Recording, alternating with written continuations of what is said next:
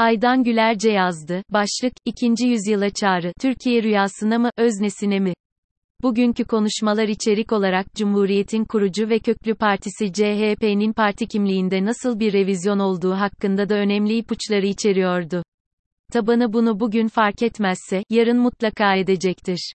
Bu başlığa aslında, Cumhuriyet'in birinci yüzyılında CHP parti kimliğinden, ifadesini de ekleyerek okumalı. Salt çok uzun oldu diye çıkarmış değilim tabii. Toplumda zaten muhalefete, altılı masaya, onun ana, muhalefet partisi CHP'ye ve Kılıçdaroğlu'nun iktidarı değiştirebilecek, yani kazandıracak ortak aday olup olamayacağına ilişkin giderek artmış karışık duygu ve düşünceler yeterince var. Bu yazı ile ona katkıda bulunmak değil, tam tersine bazı hususların acilen netleştirilmesi gereğine dikkat çekmek istiyorum. Altılı Masa'nın ilk toplantısının arifesinde, yani daha GPS metninin içeriğine bile bakmadan, önemli algoritma ve siyasi muhakeme hatalarına değinmiş idim. Yanı sıra, ön değerlendirmenin ne olduğu ve ön yargıdan farklarına, nelere bakıldığı hakkında da yazmış idim. Zira genel olarak usul ve esas, form ve içerik birbirlerini karşılıklı kurar ve belirlerler. Uzunca süredir bu konulardaki düşüncelerimi zaten paylaşıyorum. Sürecin nasıl yönetil, eme, dini hatırlatmak istemiyorum. Bu yazı sadece CHP'nin bugün öğleden sonraki, ikinci yüzyıl vizyonu, toplantısı üzerine.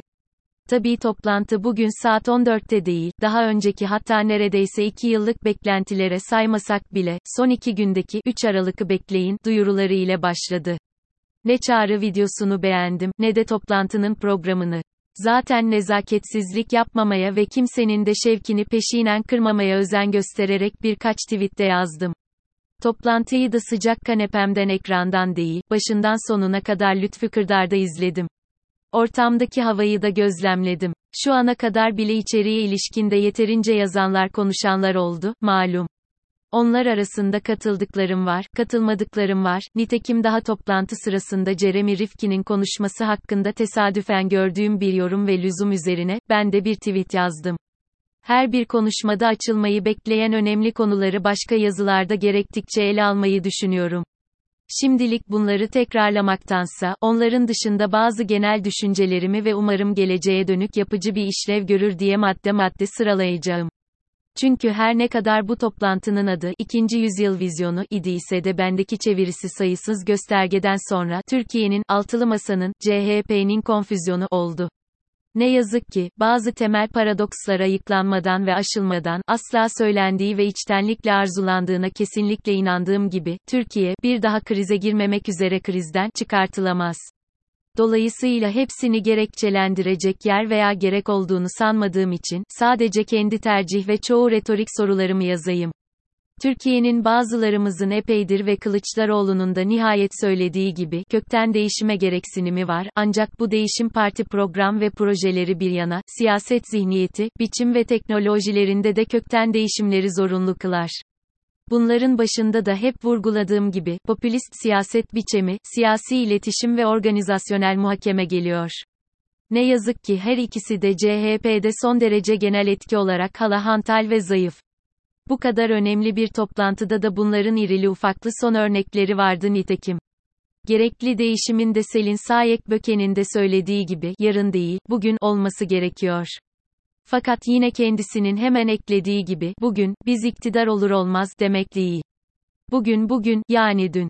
Örneğin, önden medyaya verilmiş video yerine, toplantının başında gösterilen, neden ABD'ye filan gittim, kimlerle ne yaptık, vesaire, videosu ile lansman çağrısı yapılabilirdi.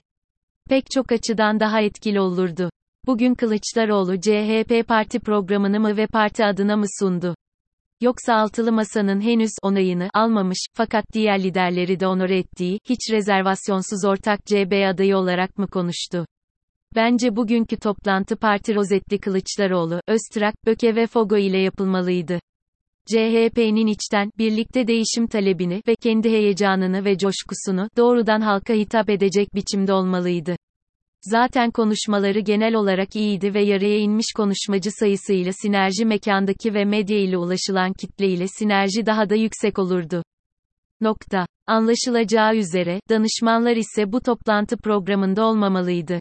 Tanıtımları, hangi uzmanlık alanlarında ve hatta belirli konu başlıklarında katkıda bulunacakları videolarla filanda sunulabilirlerdi.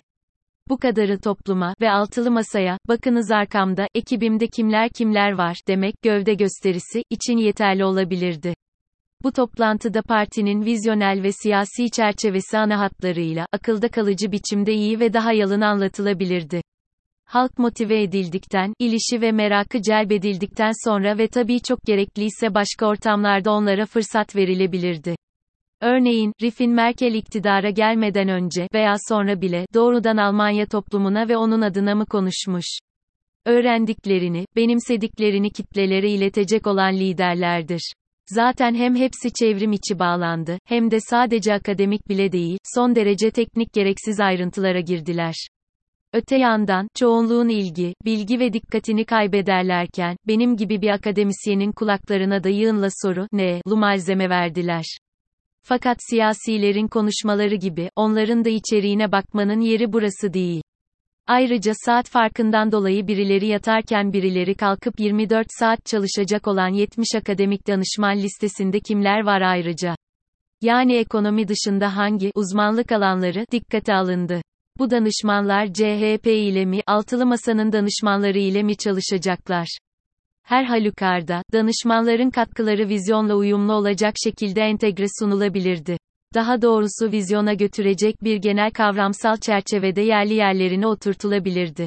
Elbette danışmanlar dünya çapında başarılı yıldılar ve bol ödüllü, hatta Nobel'li bilim veya insanları dahi olsalar, danışmanları kullanmasını ve yararlanmasını bilmektir esas önemli olan.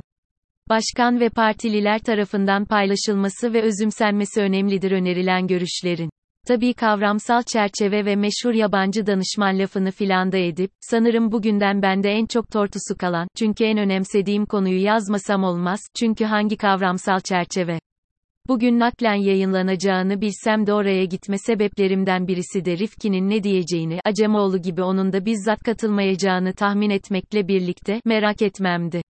Nitekim hem belirli bir kavramsal çerçeve sunan, hem de nebati söyleyince, gülüşülmüş olan salt epistemolojik değil, eleştirel bir ontolojik sıçrama gerektiğine işaret eden tek konuşma onunkiydi. Madem kendisi Kılıçdaroğlu'nun baş danışmanı olarak ilan edildi, önce kendisinin ve parti kurmaylarının ve diğer danışmanların bununla tutarlı entegrasyonu gerek. Şu haliyle tam bir yamalı bohça görünümünde.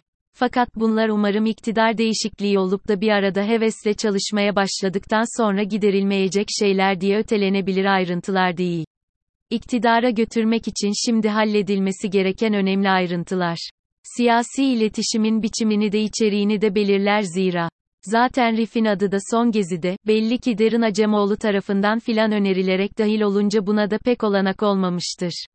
Siyasi iletişimin biçimi ve içeriği demişken, CHP'nin altı okunun temsilleri, logosunun sembolik işlevi, 21.